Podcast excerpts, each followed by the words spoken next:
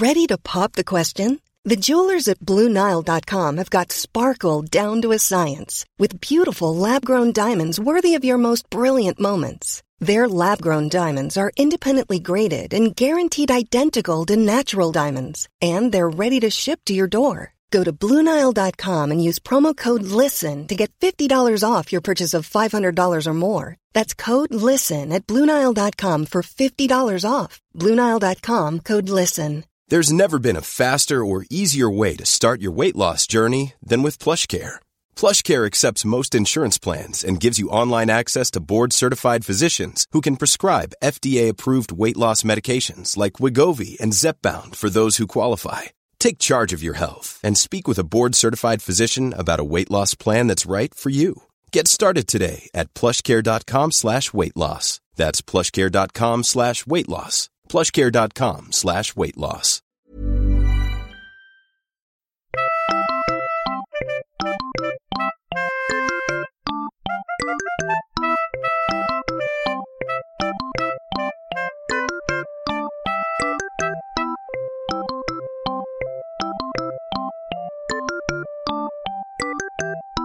Hej och välkomna till Arkivsamtal. Jag heter Simon Gärdenfors och mitt emot mig sitter Fredrik Andersson. Välkommen hit. Tack så jättemycket.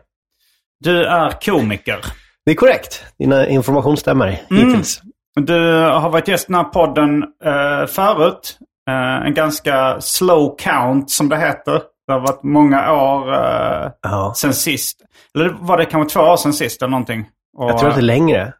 Alltså jag har för mig att vi gjorde en över länk när jag var i USA senast. Tror någon- du? Nej. jag tror inte det. Du minns inte det här? Jag minns att jag Nej. satt där i Los Angeles och, och spelade in ett arkivsamtal med dig över länk. Kan ju sig vara det.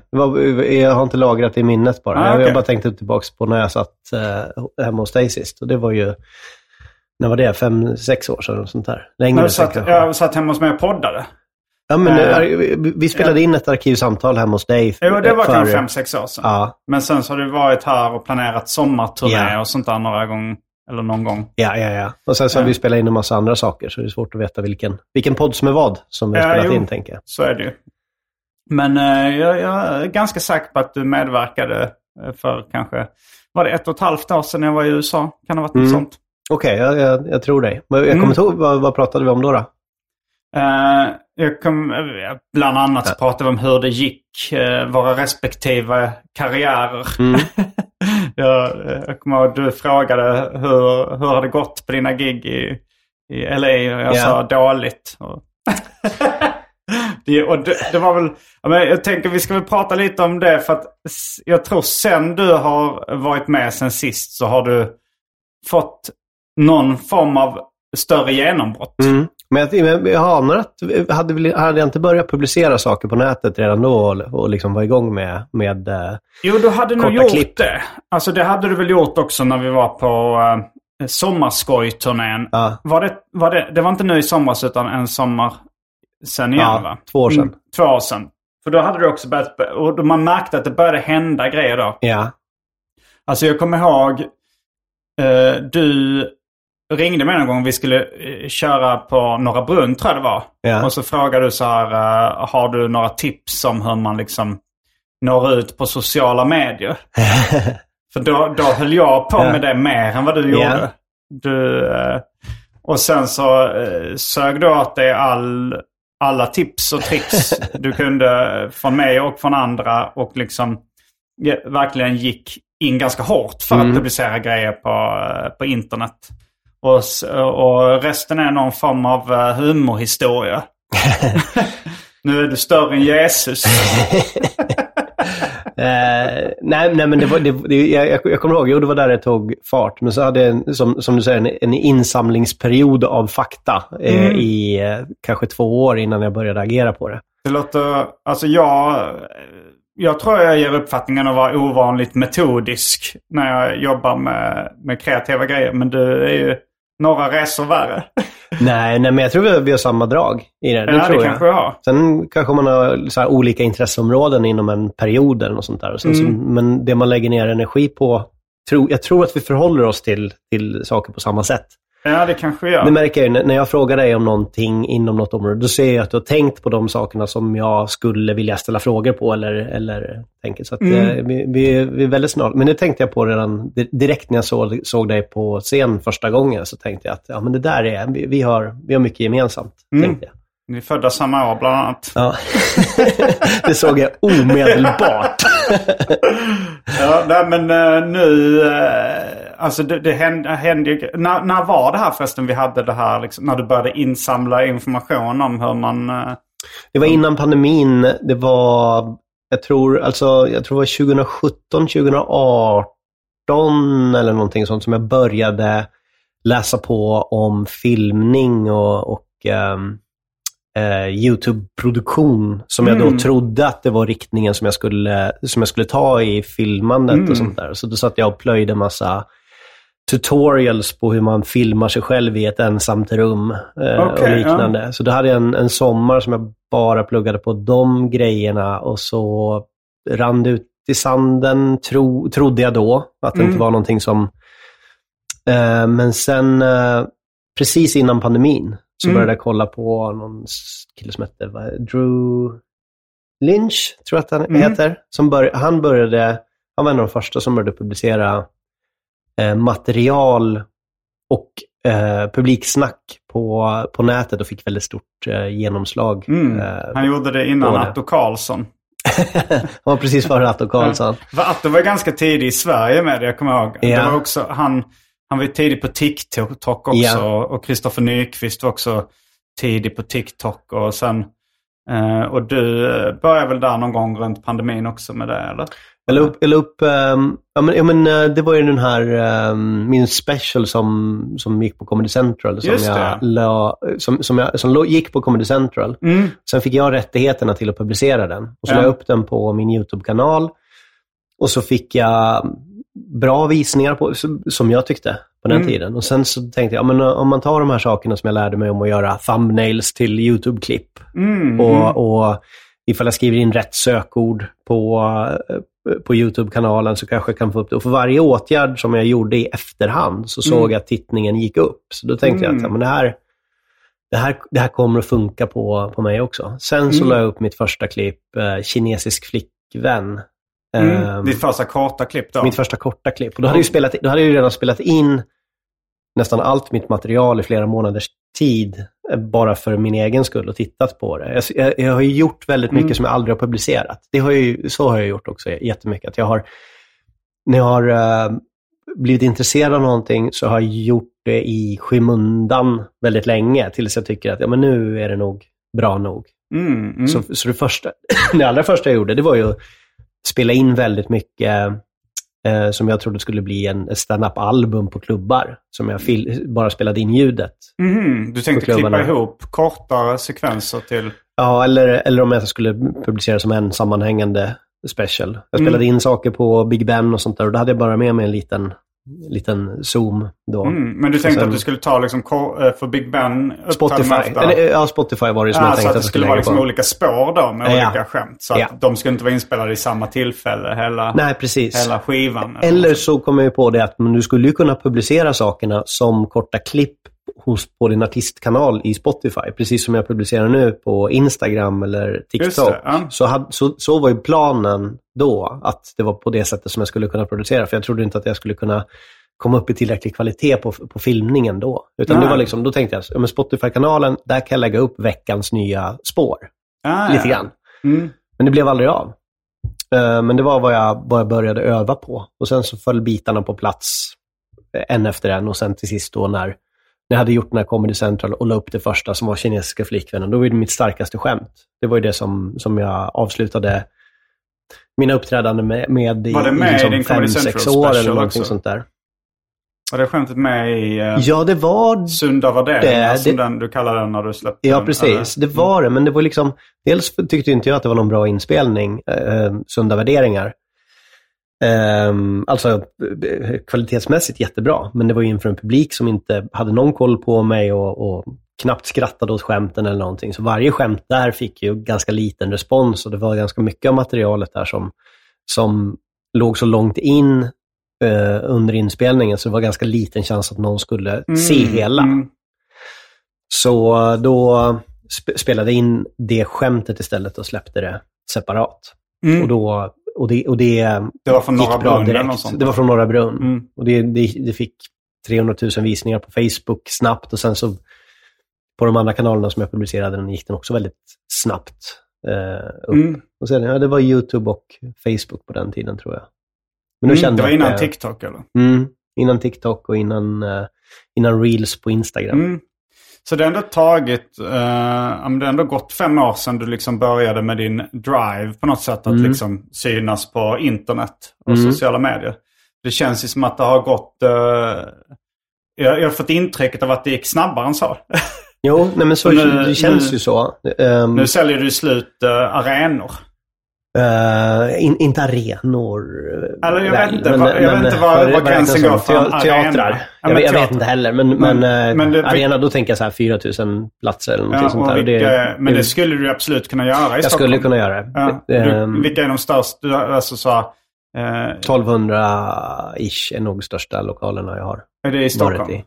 Nej, det har varit Linköping ska jag till nu och det är andra gången jag kommer dit. Och då, Mm. är, det, då är det 1200 platser. Jag tror det nästan slutsålt. Eller Mm. slutsålt. Och i, i Stockholm borde du ju sammanlagt ha sålt slut eh, eh, motsvarande Globen Ja. eller någonting. Eller, eller det skulle nog ha, ha gått. Så att, Ja. det är... Så det, det, är det är ändå, då, då, det är liksom gränsen för ett större genombrott. Liksom. Ja. Du, höll ja, på, det- du höll ju på väldigt länge också innan, ja.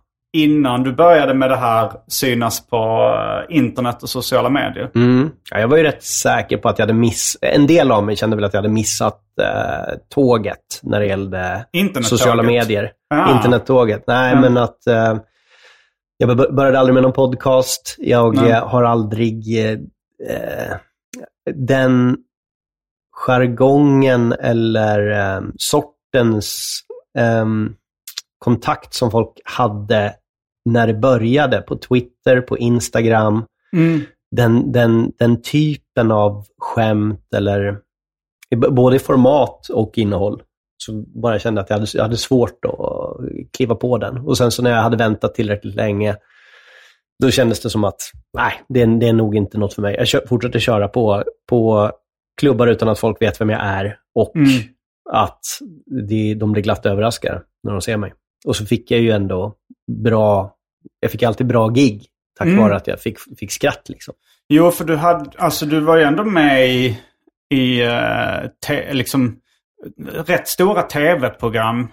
Ja. Eh, när, när var det du började med stand-up? 2005. 2005, så det är ju snart 20 år sedan. Ja. Eh, och du... Nu tittar du till den fönstret. Ja. Var det, att, det, att det kändes som länge. 20 år, ja, det är mycket alltså. Ja, ja, det är 19 mycket. år sedan. Så frågan man ska ställa sig är varför har du inte kommit längre?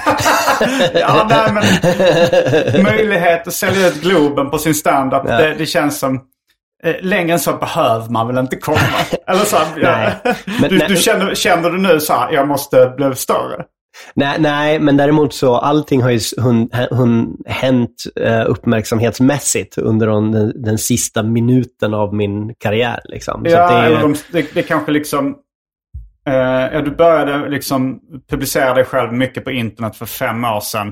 Och jag skulle säga de senaste två, tre åren, det är väl då det har Ja. exploderat. Liksom. ja. Eh, så ja, det de sista, de sista 10 procenten av de här. Ja.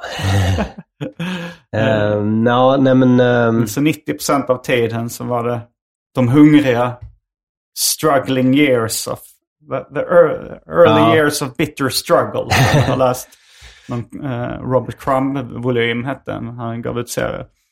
Eh, men, uh, ja, men du var ju ändå med i, var det Roast på Bounce? Mm. Var det några andra större tv-program du var med i? Roast på Berns, Ballar av stål. Mm. Eh, sen hade jag ju så här korta... Men, men det var ju lite av en eh, dålig timing. Comedy Central också. I i och för sig var inte det en Ja. kanal som nådde jättemycket tittare. Jag hade också en special där. Ja, Eh, ja. Det, var, det var ju cool, kändes ju coolt att göra det, men det, det kändes inte som att det hjälpte ens karriär jättemycket.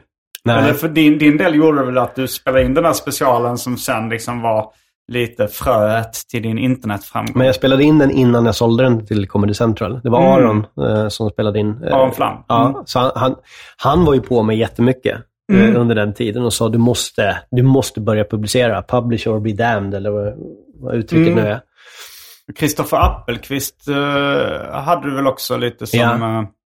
Mentor eller vad man ska Ja, ja. säga. Jag kommer, han bokade väl, han hjälpte väl dig att göra din första stora Precis. turné också. Men där, återigen, där var, jag, Joker. Mm. där var jag ju inte, eh, ing, ingen hade ju koll på mig. Så det var ju den, den gick, gick ju otrolig uppförsbacke eftersom det inte, jag inte hade byggt någon efterfrågan när Mm. turnén började. Men det var ju också så här, jag gjorde ju en del, jag var med i en del tv-produktioner, Mm. korta spottar och sånt där. Men så stack jag till London 2010 Just det. Mm. och jag stack ungefär under den tidsperioden när jag kanske hade hunnit bygga upp någonting i Sverige som jag hade kunnat fortsätta med. Jag, var- Det var Mm. fortfarande så att jag åkte till Sverige och gjorde gig då och då och, och några tv-framträdanden. Men eh, det, var, det var väl eh, dålig timing upplevde jag då. Mm. Nu är jag glad att det blev som det blev. Mm. För det, jag tror också att eh, jag tror också att om man får hugg för, för tidigt på Ja. sakerna så blir man ju annorlunda än, än om man får hugg senare. Absolut. Det, jag tror man, eh, barnstjärnor brukar det inte gå så jättebra för. Nej, det, nej dels det, det spåret, men också hur man utvecklas i, i det, man, det man eh, producerar. Att man, om, eh, om man får hugg omedelbart när du tar den första stapplande stenen som komiker Mm. på scenen så tror jag att det finns en risk att du inte kommer att jobba tillräckligt mycket med materialet för att materialet ska vara det som är Just eh, kärnan i verksamheten i alla fall. Mm. Det läste jag faktiskt i en bok om, eh, om eh, stand-up. Då var det så här att han... Det, var, kan, det kan ha varit eh, the zen of uh, stand-up Ja. comedy. Kommer du ihåg? Då, jag gissar att du har läst den boken Jag har läst den men jag kommer inte ihåg, eh, men det är säkert Mm. därifrån jag har, jag har Men jag tror fått det var tankegången. där en författare snackade om att han då, han författaren till boken, han var en komiker, inte speciellt känd. Men han, han sa att han, han var, han var inte då, han kände att han hade inte så mycket funny bones. Han var inte så naturligt rolig. Jay Sankey är det väl som har skrivit The, and the Art of Comedy Mm. och det, han är trollkarl.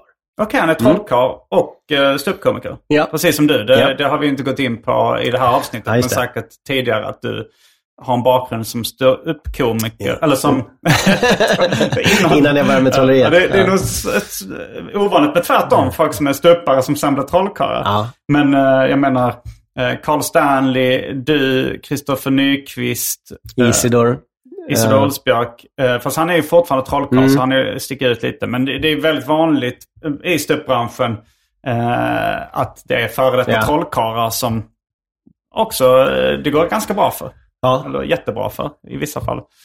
Ehm, men, eh, nej, men han, alltså han var trollkarl. Men det, det, det finns ju någonting i det här metodiska som vi eh, Ja. snackar om att vi båda har. Eh, det, det krävs väl också för att liksom, bli trollkarl gissar jag på. Det, det gör det. Och, det- och jag tror också att det är att eh, det, um, trollkarlar, de sitter och övar på sina grejer jättemycket och de är oftast inte särskilt sociala eh, Mm. och man har man vet inte vad man ska säga när man visar trolleritricken för publiken, så man sitter och övar in sina manus. Man får, man får ofta, man köper någon trolleriprodukt och sen Mm. så får du, det här är det du ska säga när du visar din trolleriprodukt. Och det måste ju vara väldigt precis också, för du måste säga det här lilla skämtet precis när du vill att de inte ska titta på dina händer. Ah, det Till exempel, så det är en- uppmärksamheten. Det kan vara det. det. Det är åtminstone så att du, du, måste ha en, du måste uppfinna en logik bakom dina märkliga beteenden som, Mm. som du ofta måste göra i, medans publiken tittar på det. Mm. Så det gör att det finns inte mycket utrymme för att, ehm, för att missa. Om du säger fel sak så kanske du avslöjar trolleritricket. Så det Mm. blir ju det blir inbyggt att, i det att det, det, är, det är en precision i det som eh, ibland överdriven, men som finns med. Så folk som går från trolleriet till stand-up är, har oftast det i ryggraden sedan Mm. tidigare. Jo, och sen Hålla så det här manus. nötandet. Att man måste liksom Ja. öva, öva, öva. Ja. Det är nog också en bra färdighet. Men heter han Jay, han som skrivit... Mm, eh, Jay Sankey. och han, men han sa ju då att han, in, att han, när han började med stand-up komik då, så var det eh, folk han kände som var liksom naturligt roliga, som inte behövde jobba så mycket för att få skratt på scenen. Eh, att de gick upp och liksom eh, pratade lite och, och sådär och, och fick skratt. Och han, och han, eh, han sa så här att han Eh, han är glad att han inte han hade den här naturliga roligheten. Ja. Vilket jag först tänkte på, liksom så här, det där säger du bara. Det är lite nästan surt sa räven. Men, men sen så eh, när han liksom utvecklar resonemanget så, så insåg jag att han kanske hade rätt. Att det var så här för att han, för att han sa att de, de flesta av dem som var naturligt roliga, de, eh, de, de lärde sig inte att de var tvungna att jobba stenhårt. Ja. Medan han eh, som var lite mindre naturligt rolig eh, var tvungen att liksom jobba stenhårt, öva, gigga svinmycket. Och till slut så gick han om de som var naturligt Så roliga Ja. men lite latare. Eller lite, för att liksom, de blev inte tvingade att jobba så hårt. Det tror jag verkligen. Mm. Och, och sen, eh, sen är det också det att om du blir upplockad i det här maskineriet som är eh, underhållningen så, får du massa, så kommer det med en massa incitament som kan påverka vad du väljer att skriva om och vad du väljer att skämta om och, och vilka, vilka vägar man tar och vilka man samarbetar med och så. Eh, som, som man känner väldigt mycket. Det de fåtal produktioner jag varit med om så blir du väldigt formad av omständigheterna som du ska leverera, le- leverera materialet i. Mm. Och så anpassar du efter det. Det är Har klart du man några har det. exempel där? Det blev lite abstrakt.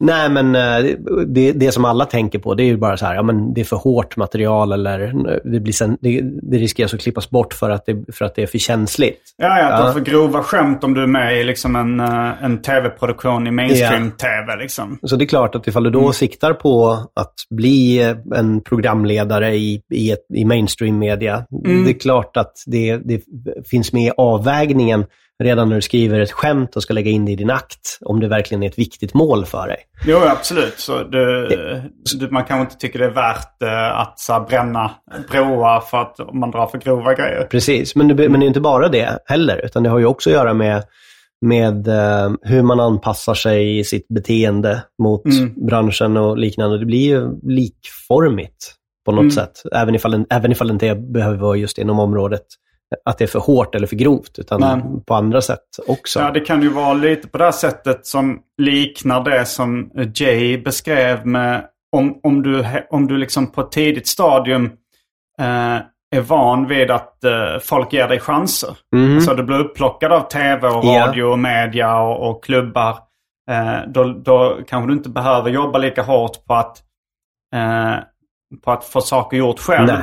Marknadsföra dig själv och så vidare. Exakt. Och då, då kanske det också, det kan, på ett sätt kan det vara bra där att inte få de chanserna och bli tvingad att lära Ja. dig eh, att bli mer självgående. För det, det blir ju ett förhållningssätt till allting. Om man bara tänker, om man hela tiden är på jakt efter vad är det för någonting som kan utveckla mig? Vad är det för någonting som, som vad, vad kan lära mig så att fler människor eh, nås direkt av det som jag gör? Så det är ett helt annat sätt än att tänka än hoppas jag är på så, så pass duktig så att någon ser att jag är duktig och lyfter upp mig i ett sammanhang så att jag sen kan nå mina följare.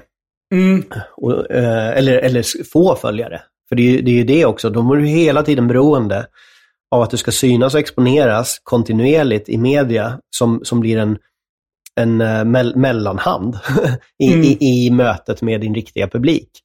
Så att allting blir hela tiden eh, laddat av, av, en, av en mellanhand som, som, som kontrollerar allting. In, inte nödvändigtvis begränsar det, men det är ändå kontrollen. Är Absolut. Vad säger man? Cut the middleman. Ja. Att man ska, ja, det, är, det är verkligen skönt att slippa mellanhänderna. otroligt skönt. Jag kommer ihåg när eh, jag började som serietecknare med några liksom kompisar i samma Ja. ålder som var i samma situation. Då var det en, en kompis som efter ett tag, det hände ju inte så mycket liksom, vi tecknade de här serierna, nådde inte ut så mycket. Han sa så, jag vill bli upptäckt. Ja. ja. Jag vill bli upptäckt så här. Och så här, Ja, det är klart man vill, men man kan ju inte räkna med det. Men, det- men det tar så lång tid att ändra inställning också. För det, jag är ju uppvuxen med den approachen. Och sen så genom att titta på sådana som du, du var ju liksom, när du kom in i branschen så var ju du, eh, du, du hade ju med det redan i, i, i ryggen när du gick in i branschen. Och det var ju mer än, fler än jag som reagerade på bara, oj, han har verkligen byggt upp hela sin verksamhet.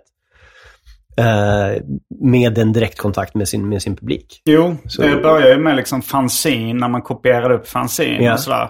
Och, sen, och det, det var lite samma sak där, fast i ett mindre format. Ja. Att så här, eh, när jag gjorde fanzine och, och sådär så, och sen så liksom blev jag publicerad i Galago som var lite större liksom, tidskrift och, och sådär. Men jag kommer ihåg jag gick upp med lite skämtteckningar till den redaktionen och redaktören sa att eh, nej men eh, pedofilskämt eh, det kan vi inte publicera. Nej. Och då tänkte jag så här, okej då, eh, då eh, får jag väl gö- göra fanzine med de här för jag tyckte det var så pass kul de här skämten. Mm. Så tänkte jag, ja, men jag, gör, jag, jag tecknar massa sådana för fanzine.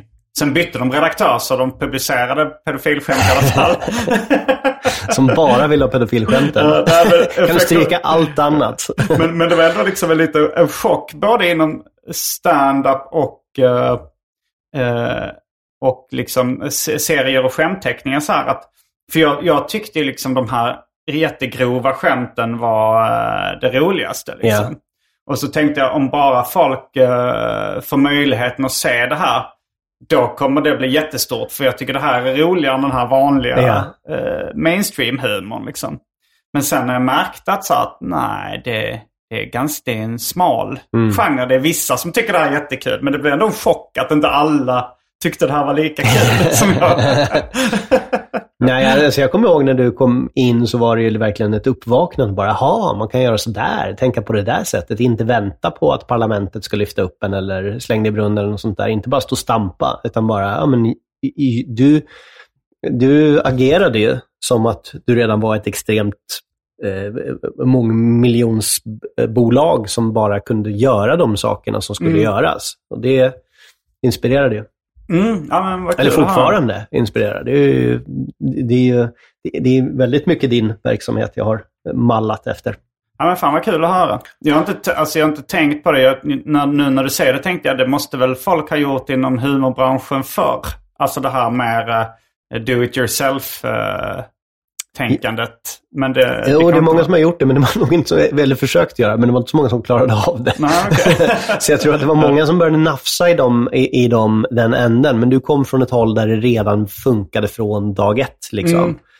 Men eh, det, det var ju många som gjorde det i desperation snarare. Mm. Att, så här att om jag sätter upp min egen föreställning och så kommer fem, tio personer det, till ja. den. Mm. Så det, var ju de här, det här soloföreställningståget hade ju, hade ju påbörjat där, där det var ett lotteri där några få lyckades få uppmärksamhet för att de hade rätt titel som låg i tiden eller någonting Mm, sånt mm. där. Men de, de, de ägde aldrig formen. De förstod inte formen helt och hållet, utan det var fortfarande den här att man skulle göra en föreställning och sen så kommer Nyhetsmorgon och säger åh, den här, den här föreställningen som du gör, den verkar intressant. Och sen så pang så, så blir du ändå upplyft in i maskineriet när du har Mm. nått en viss eh, effekt på det. Men, eh, det. men, men, men du var nog den enda som hade en fungerande affärsverksamhet från, från scratch, liksom, på, på lägsta nivå som det sen bara var möjlighet att skala upp mycket Mm. som, du, som du ville. Jag hade väl samlat ihop lite liksom, följare från uh, musikvärlden och, och eh, lite från serievärlden innan också. Så. Men, men det tänker jag är en annan grej. En annan aspekt av det är att det är, det är ingen skillnad. Liksom, ifall du har någon följare som gillar dig och det Mm. du gör så, så är det ganska naturligt att tänka sig att eh, det blir ganska roligt att se vad Simon gör som nästa projekt. Och, och ha det helhetstänket snarare än att bara, okej, det här är mina poddlyssnare, de lyssnar på podden och här är Mm. de som går på min stand-up och de världarna är separata från Jo. varandra istället för att bara, bara göra allt. Jo, så tror jag det är speciellt eftersom liksom det har varit humor och kanske någon form av uh, historieberättande med. Alltså om en, en, eh, en sportstjärna Mm. eh, börjar med, med stand-up eller blir uh, kock eller någonting så det är inte lika säkert att Nej. publiken följer med. Nej, man måste ju förhålla sig till, förvänt till förväntningarna i alla fall. Mm. Och förstå, förstå att okej, om någon har tittat på de här grejerna så är det inte så sannolikt att de kanske är intresserade av den här aspekten av min personlighet, möjligtvis. Men om då, man då kan, kan, om man förstår sin, Mm. sin, sin relation till konsumenterna så, så kan man ju ta bra beslut. Men Men eh, eh, vi, jag kommer ju från en bransch där folk verkligen inte förstod vilken, vilken, vilken kontakt de har med sin publik. Liksom. Mm. Magnus Betnér, han var ju rätt eh, Oh ja. mycket do it yourself och eh, förstod Ja. sin relation till sin publik och sin, eh, sin förhållande till internet väldigt tidigt också. Ja, helt sant. Jag, jag glömde bort honom faktiskt. men men eh, ni, ni var olika.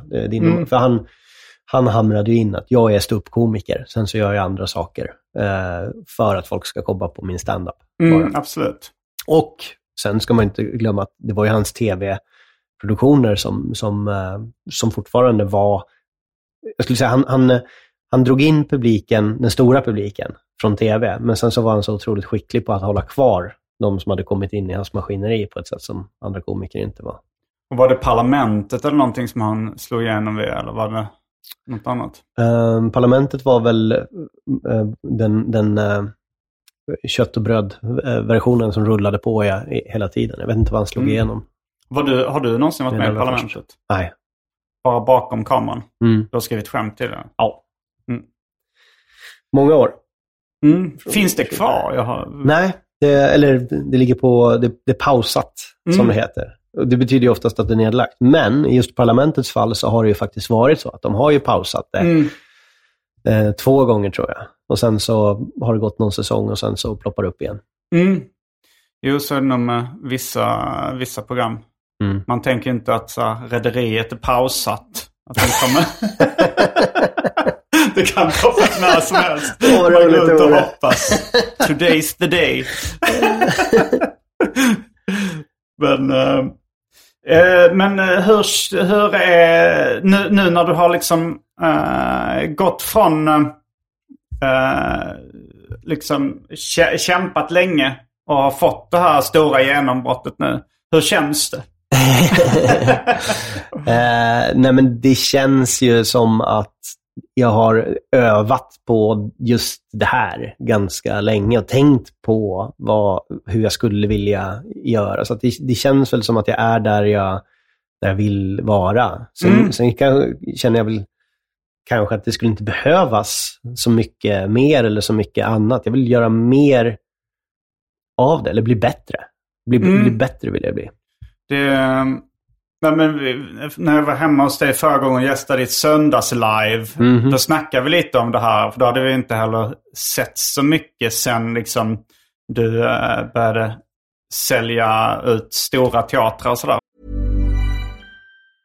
A lot can happen in three years, like a chatbot may be your new best friend. But what won't change? Needing health insurance. United Healthcare Tri Term Medical Plans, underwritten by Golden Rule Insurance Company, offer flexible, budget friendly coverage that lasts nearly three years in some states. Learn more at uh1.com. Quality sleep is essential. That's why the Sleep Number Smart Bed is designed for your ever evolving sleep needs. Need a bed that's firmer or softer on either side? Helps you sleep at a comfortable temperature? Sleep Number Smart Beds let you individualize your comfort so you sleep better together. JD Power ranks Sleep Number number 1 in customer satisfaction with mattresses purchased in-store. And now, save 50% on the Sleep Number limited edition Smart Bed for a limited time. For JD Power 2023 award information, visit jdpower.com/awards. Only at a Sleep Number store or sleepnumber.com. Millions of people have lost weight with personalized plans from Noom, like Evan, who can't stand salads and still lost 50 pounds. Salads, generally, for most people, are the easy button, right? For me, that wasn't an option. I never really was a salad guy. That's just not who I am. But Noom worked for me. Get your personalized plan today at Noom.com. Real Noom user compensated to provide their story. In four weeks, the typical Noom user can expect to lose one to two pounds per week. Individual results may vary. Och då så... Eh, då var det väl lite så här...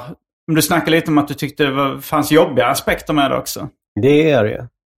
Um, det, dels, det är ju, det är ju eller så här, det är pulshöjande när det är, när, när det är eh, kontroverser och, och eh, människor är riktigt arga, hotfulla.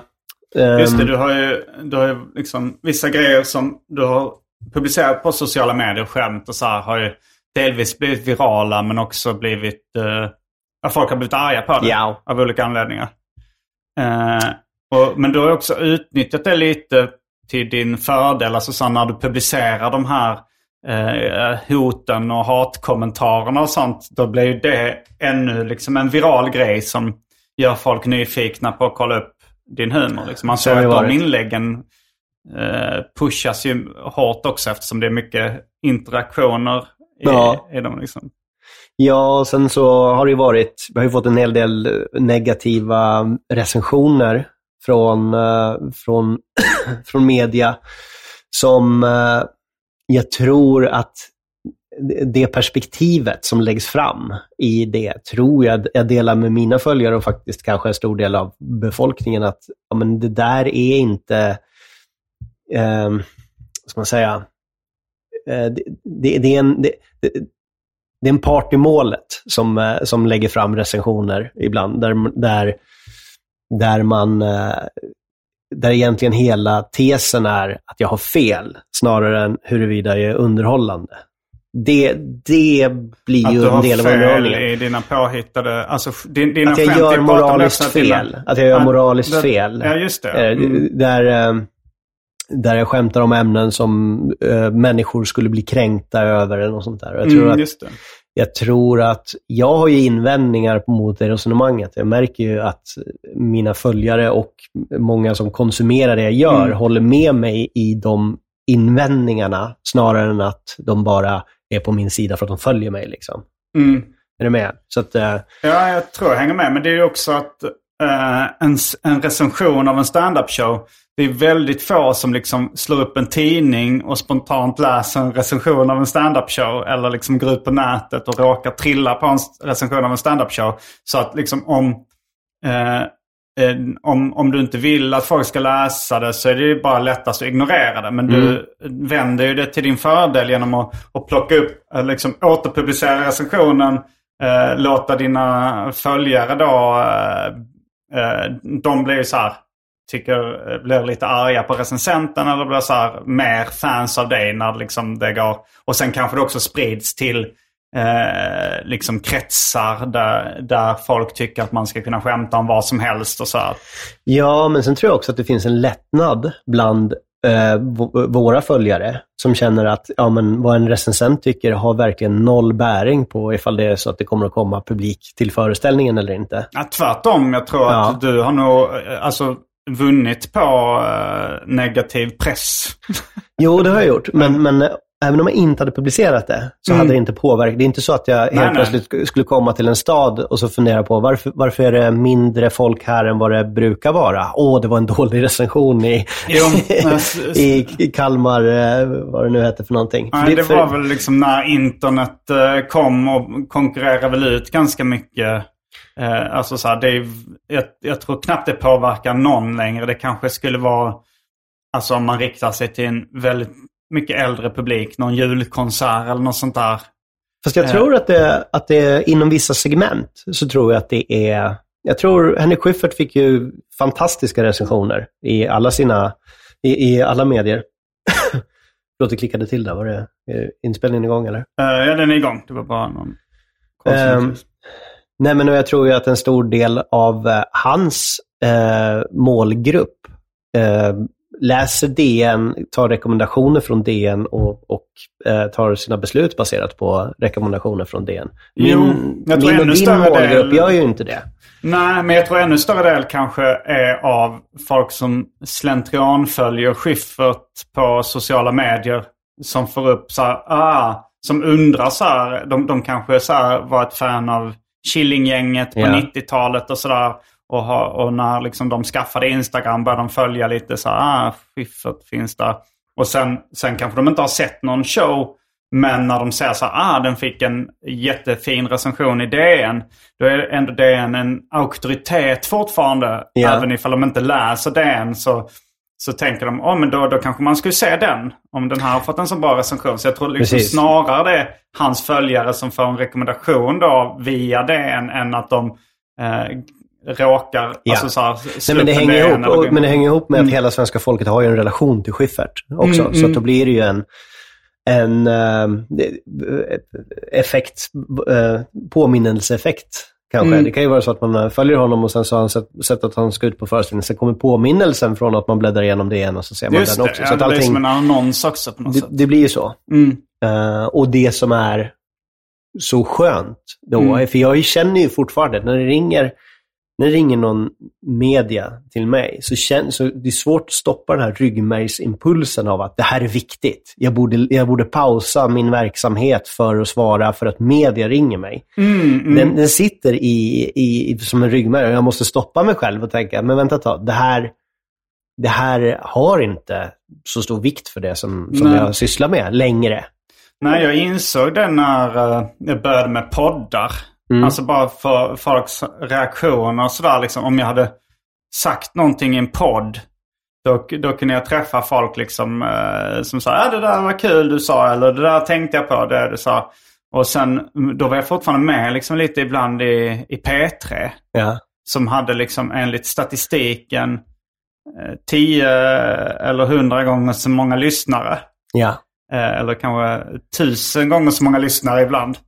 Men jag tänkte så, det var aldrig någon som kommenterade någonting. Nej. Att, alltså, jag hade sagt i radio eller så här, jag hör, eller, alltså en, en som jag var med i någon sån här P3 Nyheter eller någonting som, hade liksom, som var det som de sa hade mest lyssnare. Så var det aldrig någon som ens sa så här, jag hörde det i, i P3. Nej.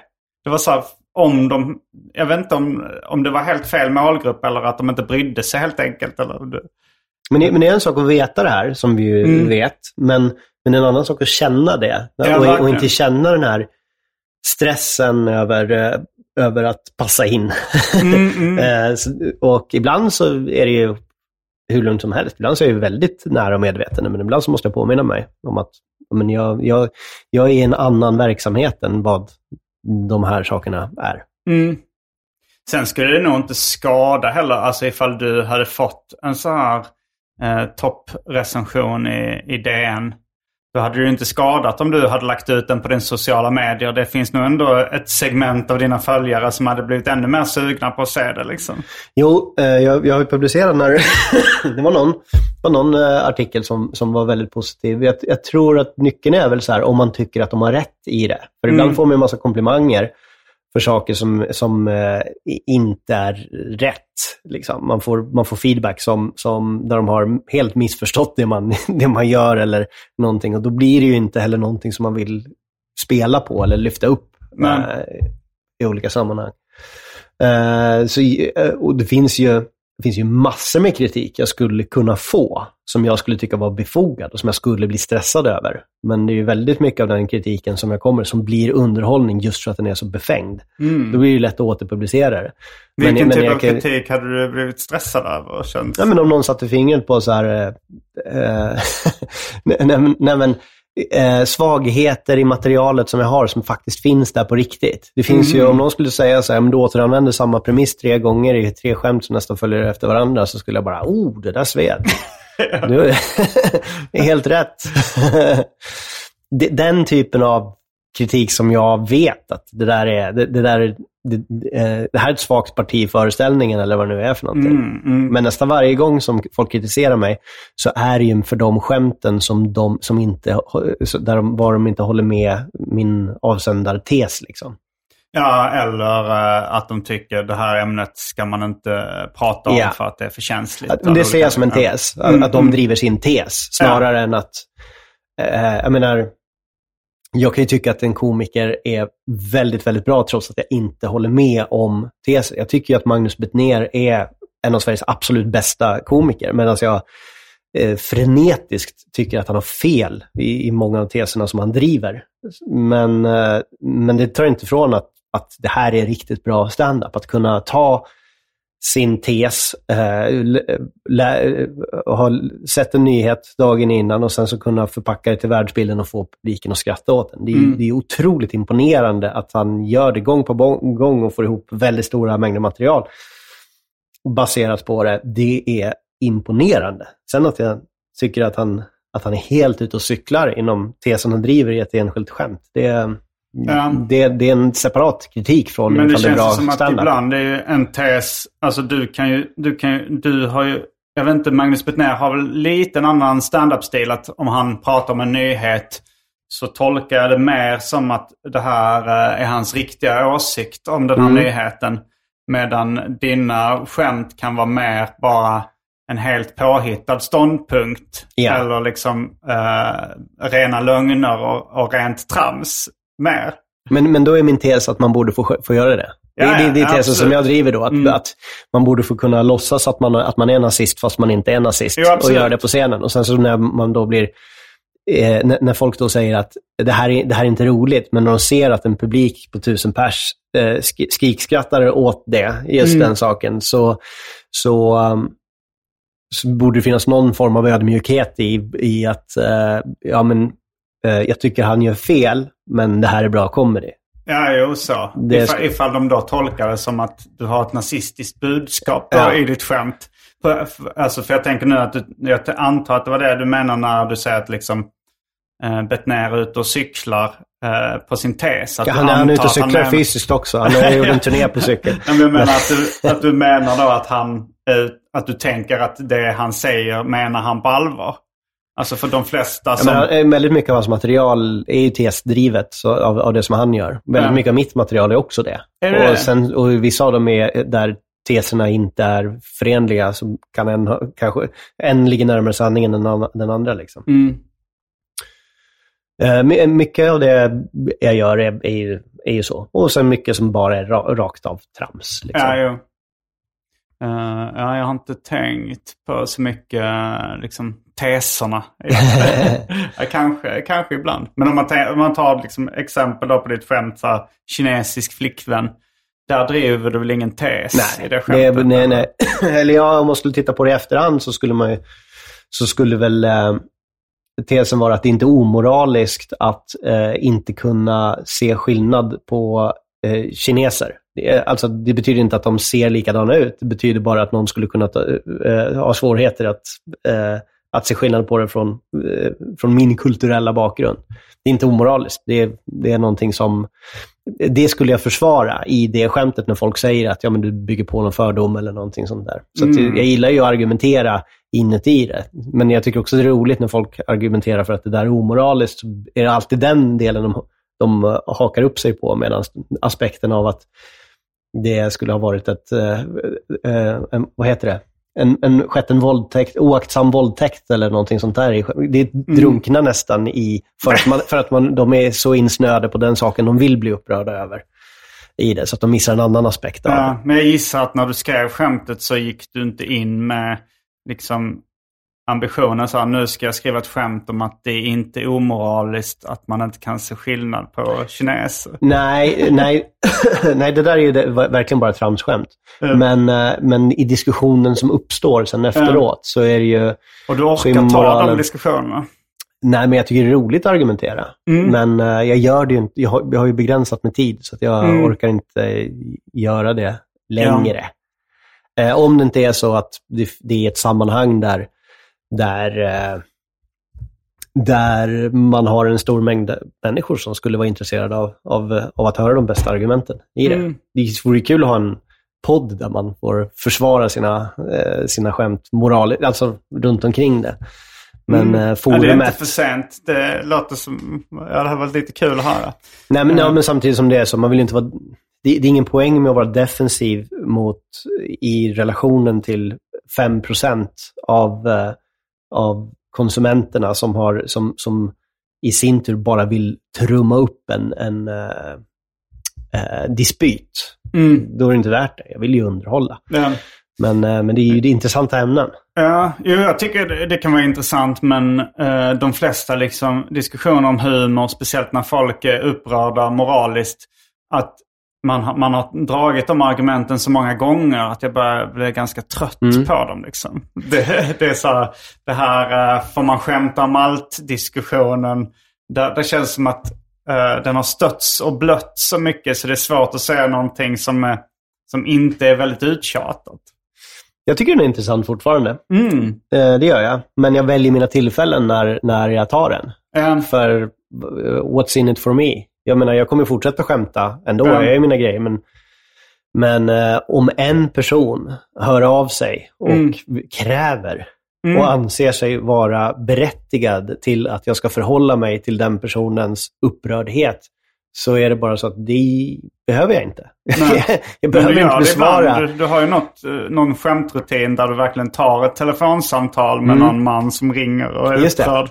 Men det var intressant. Så det, då, då blev det ju... Det, där var jag faktiskt intresserad över. Vad i det här är Vad det som var jag faktiskt ska vara arg över?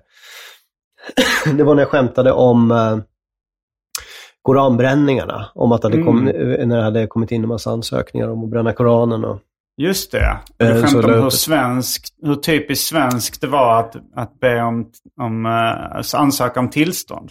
Precis. Och då, och då var det ju väldigt många arga och så var det någon som, som, som ringde mig och lät hotfull och med brytning sa att, eh, att eh, hur, hur liksom, eh, fattar du inte vad du är inne på för, för, för område liksom. Och då var det ju eh, så intressant att eh, jag, jag bad honom att verkligen redogöra för exakt vad det var för någonting som han tyckte var problemet i skämtet. Och han Mm. försökte göra det. Men eh, i slutändan så var det ju så att han hade ju faktiskt inte tagit till sig informationen i själva skämtet. Utan han hörde Koranen och sen så svenskar som skrattar. Och det var tillräckligt för honom att bestämma sig för att det här är skymf mot min religion. Mm. Och det Eh, ja, Lyckades du eh, förklara för honom? Lyckades du, eh, alltså, lyck, verkade det som att han förstod mer eh, din vinkel på skämtet eh, efter när jag hade tagit diskussionen? Ja, det gjorde han. Eh, det, det gjorde han nog. Men det ändrar ju inte...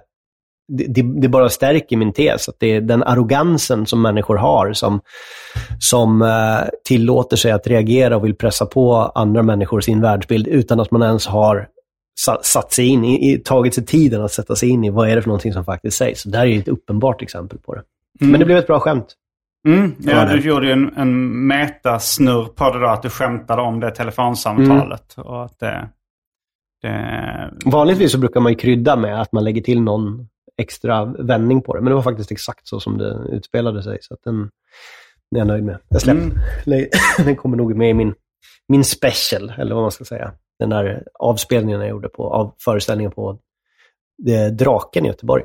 mm. Hur, var och när och hur tänkte du släppa den? Jag lutar åt att släppa den på YouTube direkt.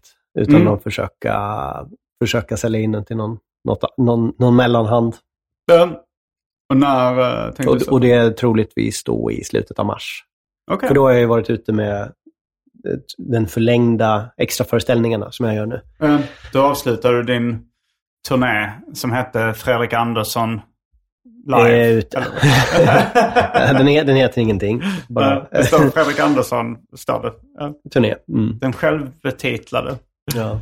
Eh, Mm, nej, men du snackade också om eh, eh, det här sen det stora genombrottet. Att det var så att även den positiva responsen kunde du uppfatta lite som stressande eller negativ. ja. Alltså det, alltså det är ett, det är ett lyxproblem, men Mm, eh, mm. det är väl ehm, förväntningarna. De här, de här eh, enorma förväntningarna ibland Mm. när, man ska, när, man ska, när man ska gå upp på scenen. Ja. Och det, det är, att stämningen kanske är så upptrissad innan man ens har hunnit dra ett skämt. Och där väldigt mycket av det som, som jag gör, som jag skapat, är att, eh, har, ju, har ju varit där jag har mött en publik som ganska motvilligt har behövt lirkas med Mm.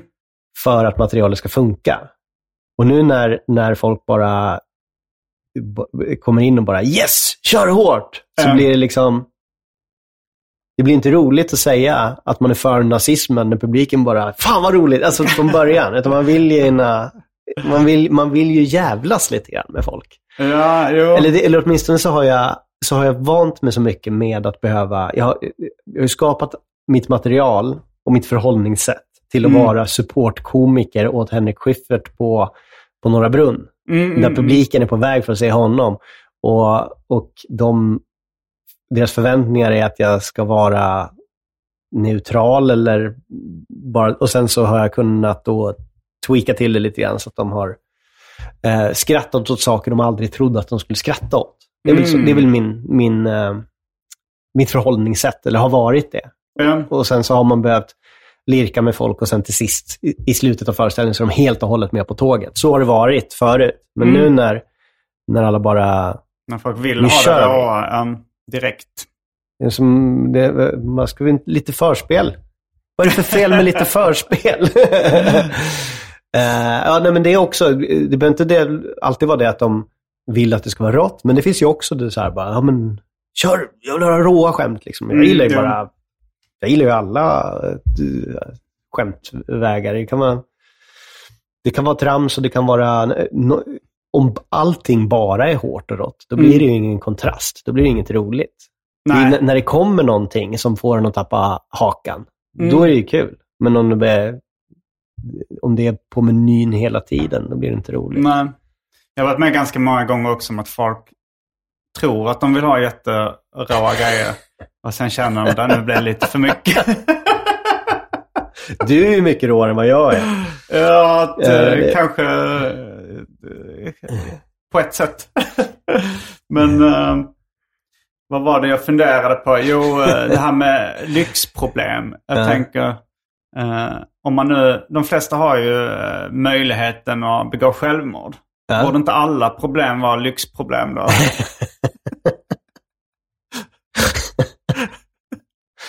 Mycket sann observation. Eh, men skulle du säga att eh, du, ditt liv, liksom, mår du bättre nu? Är du lyckligare? Är det samma? Eller är det lite sämre sen du, fick, sen du slog igenom stort? Mycket bättre. Det är mycket bättre, okej. Mycket bättre. Jag mår eh, bättre och bättre för varje år i snitt, Mm. eh, skulle jag säga. Jag vet inte exakt vad det är som är kopplat till att, men det är klart, alltså när man har när man har investerat så mycket i någonting och får Mm. payoff för det, det är ju det är, det är ju häftigt. Ja. Och, jag, och just det där att, att det tog så lång tid kanske gör att jag uppskattar mig mer och dessutom vet, jag har ju, jag har ju dessutom eh, jobbat nära många som har fått otroligt stark respons och sen tappat den eller förlorat kontakten med sina följare. Tar inte för givet att folk kommer att gilla det jag gör om ett år eller om tio år. Det är upp till mig att vårda relationen med, Mm. med de, de som tittar. Eh, men också, inte bara, för det kan ju också vara så att, att det skär sig med, i kontakten med eh, publik eller följare eh, av skäl som gör att man bara, men jag vill inte gå åt det hållet. Jag vill, jag vill fortsätta göra det här eller jag, jag, jag, vill inte, jag vill inte leverera superhårda skämt hela min karriär. Jag kanske vill prata om annat. Mm. Och då, ehm, då kanske man får säga, som i ett förhållande bara, vi har vuxit ifrån varandra. Ja. Det skulle kunna hända. du och din publik också... Ja. Ja. Nej, men det skulle kunna bli så. Att, Mm. ehm, ehm, och, och då kanske man får betala det priset också. Att man ser en del som bara, ja, men var på väg åt det här hållet väldigt länge, men sen bara märkte att men jag kan inte göra det bra längre. Jag vill göra någonting annat bra. Mm. Och då ehm, får man väl vara beredd att ta den, det steget. Tänker jag. Absolut. Så man inte står och bara bränner ut sig på att göra saker som man, som man inte längre brinner för. Men jag tänkte på uh, Rodney Dangerfield. Han fick ju också sitt genombrott ganska sent i Ja, livet. just det. har, Ja. du, har du läst hans uh, Nej. självbiografi? Uh, den är ganska intressant. Men han, han hade liksom en, en karriär som ganska... Uh, ja, här, han höll på som komiker men fick aldrig något genombrott. Och sen var han borta från stand-upen ett längre tid och jobbade med att lä plåt, lägga tak eller något liknande. Ja. Göra renoveringar och så. Och sen kom han tillbaks och, och eh, då hade han, då var ja, efter ett tag då, men det var, han var väl kanske 45 eller någonting. Ja. Men han såg ju betydligt äldre Ja. ut. När han fick sitt genombrott. Men, eh, ja, men det kan ju vara så att saker behöver falla på plats Ja. liksom med, med eh, tiden. Han mörkade i och för sig i sin självbiografi att han hade suttit i fängelse för bedrägeri. Oj! Men det står i boken Comedians av Cliff Nestroff. Som, eh, Det hade ju för sig bara byggt på hans... eh, Ja, fast kanske inte. Alltså det, det nej, var inte lite så här, Inte den Det tiden. var lite så här eh, låga. Eller det var så här typ att han gick till, eh, till Lura äldre. änkor till krigsveteraner. Alltså så gamla tanter. Och så påstod han att han själv var så här krigsveteran. Och så tog han sådana liksom hutlösa överpriser på renoveringsarbete. Men de tyckte så här, ja, det är klart vi ska hjälpa någon. Ja, den sorten. Ja, ja, ja. Så var, man förstår att han inte Nej, det skulle kanske ligga Han var ändå ganska mainstream-känd sen. Han var ju med liksom i sådana mm, komedier. Tung i bollen och Ja. Back to school och sådär. Liksom. Det var en... Men det är roligt på något sätt att han var en sån ful fisk. ja. Och eh, helt rimligt när man tänker på hans personlighet i Jo, efterhand. han känns lite skum. Men också, jag tycker han är en förebild på att kunna vara liksom en, eh, för, för liksom en gammal gubbe som ändå är så här cool och rolig. Ja. Och inte känns, eh, inte känns uh, passé Nej. på något sätt. Alltså så här, det var mycket i att han var liksom väldigt begåvad på att skriva starka one-liners. Mm. Eller det kanske det är mest det. Men det är också lite någonting i hans attityd och sådär. Oh ja. Nej, det är, absolut. Det är inspirerande. Och det, det är väl en eh, perfekt bransch för den som vill hålla på i, i evigheter Ja, eh, också. det var ju lite därför jag uh, fejdade över min karriär från rappare till uh, komiker. Mm. Att jag kände att rappare var inte en perfekt bransch för den som vill hålla på i evigheter. Är det inte? Men det känns ju som att det bara... Ja, alltså det, det, kan, det kan vara också jag som missbedömde situationen. Eftersom rap var ganska... Alltså så här, nu började det finnas eh, en del gamla, alltså folk som hållit på sedan 80-talet som fortfarande håller på. Men jag menar, det, det är inte samma sak som i standup. Alltså om, om du tar på de, de största klubbarna i landet eh, och tar liksom de, de komikerna det, det är en del unga nu liksom som börjar bli stora, men, eller som är stora redan. Men det är också en del gamlingar som är Mm. de mest relevanta. Mm. Eh, I rapmusik finns det ju kanske många gamlingar som håller på. Men jag skulle inte säga att det är de som är mest relevanta på samma Mm. sätt som det är inom stand-up. Alltså om du tänker på amerikanska ståuppkomiker. Så är ju liksom Bill Burr och, och eh, ja, men, även Louis CK och, och kanske Sarah Silverman och sånt väldigt relevanta fortfarande Mm. trots att de är över 50.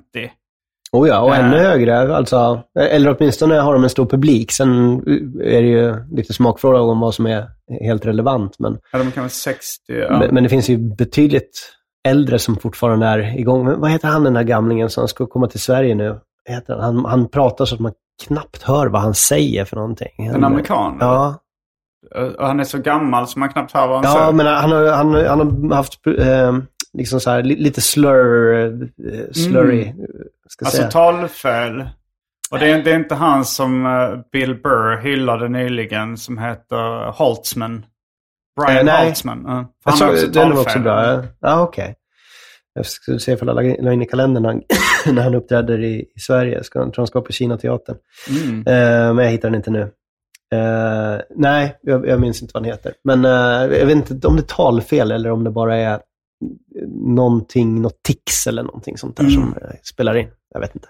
Men i och för sig så, ja, det, det har nog blivit så lite. Alltså så här, eh, Killer Mike vann ju två Grammis så han är rätt gammal alltså. Alltså, ja just det. Ja. nu tänkte jag bara på det roliga. att han blev nedbrottad av polisen direkt efter vad som är jag, har inte, roligt. jag har inte så bra koll på det, men jag bara tänkte på det när det stod liksom hur gammal han var. Så var Ja. okej, för att vinna en Grammis borde man ändå vara hyfsat relevant rappare. Han Ja. var, väl, han var väl runt 50 i alla fall. Så, ja. Jag har inte reflekterat över det. Men eh, jag tror du skulle kunna göra vad du vill i vad du än bestämmer dig för. Så. Som sagt, man behöver inte vara så beroende av branschpubliken. Man är ju Nej. beroende av sin egen relation till lyssnarna och följarna. Jo, nej det, men eh, det, jag skulle säga att det, har, det gick lättare när jag började med stand-up så gick det lättare så här, att vara soloartist som ståuppkomikern gick. Och vara som soloartist som rappare. Ja. Jag kanske... Men Humor sen- sen, var också- den starka sidan i, i mycket av det jag gjort. Ja, just det. Om man isolerar det som, Mm. som den bärande faktorn så kan man. För det tänker jag också. Här, jag- kanske inte kommer att vara ståuppkomiker hela mitt liv, men jag kommer ju göra saker baserat på, på uh, vad jag har lärt mig av det. Mm. Liksom. Sen Tror det du inte att du vara- kommer köra stand-up för resten av livet? Jag skulle tro det, Mm. men inte säkert. Det skulle Nej. kunna vara så att jag hittar ett annat format som jag, som jag tror att jag skulle kunna göra, göra bra. Liksom. Mm. Jag har en massa stand-up-gig inbokade framöver. Bland annat i Stockholm, men även i Dubai, Göteborg, Malmö, Lund, Borlänge, Växjö, Kalmar och Uppsala. Biljetter och mer info hittar ni på gardenfors.com. Det har blivit dags för det omåttligt populära inslaget Välj drycken. Den som väntar på något gott väntar ibland inte för länge.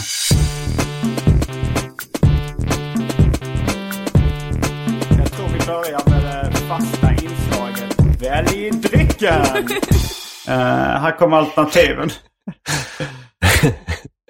Fanta, uh, massa olika sorters sprit, tesorten Milky Oolong. Det finns pulverkaffe.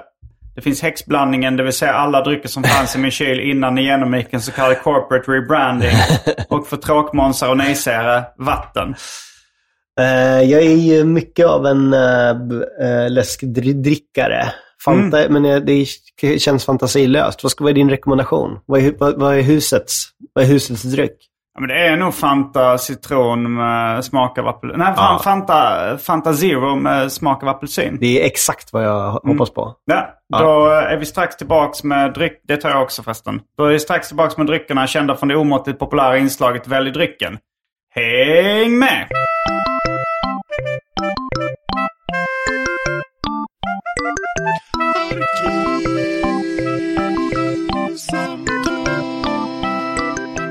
Då är vi tillbaks med dryckerna kända från det omåttligt populära inslaget Välj drycken. Och det är Fanta... Eh, Zero. Apelsin, zero. Eh, fem plus. Mm, det är väldigt gott. Mm, vill du vara med och prata lite i det Patreon-exklusiva delen av det här samtalet också? Varje vecka så släpper jag ett bonusavsnitt av den här podden exklusivt för er som donerar en valfri summa per avsnitt på patreon.com arkivsamtal. Patreon.com arkivsamtal alltså. Det finns redan över 40 exklusiva avsnitt som du får tillgång till. Så det är mycket kul för valfri slant. Vill du bara vara schysst och säga tack för åratal av underhållning så kan du även swisha en slant på 0760 72 47 28. All denna info finns även i avsnittsbeskrivningen. Och glöm inte att följa mig på Instagram och andra sociala medier. Där bjuds det på gratis skämt och mycket annat.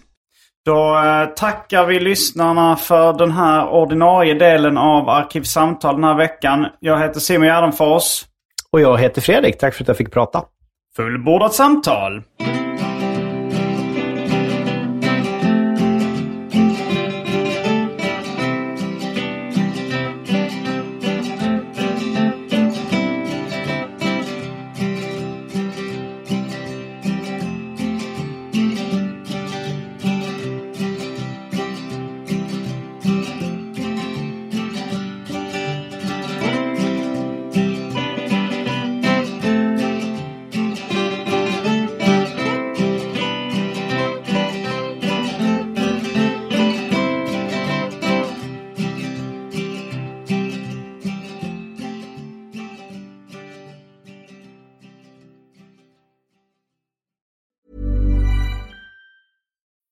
When you need mealtime inspiration, it's worth shopping Kroger, where you'll find over 30,000 mouthwatering choices that excite your inner foodie. And no matter what tasty choice you make, you'll enjoy our everyday low prices, plus extra ways to save, like digital coupons worth over $600 each week. You can also save up to $1 off per gallon at the pump with fuel points. More savings and more inspiring flavors make shopping Kroger worth it every time. Kroger, fresh for everyone. Fuel restrictions apply.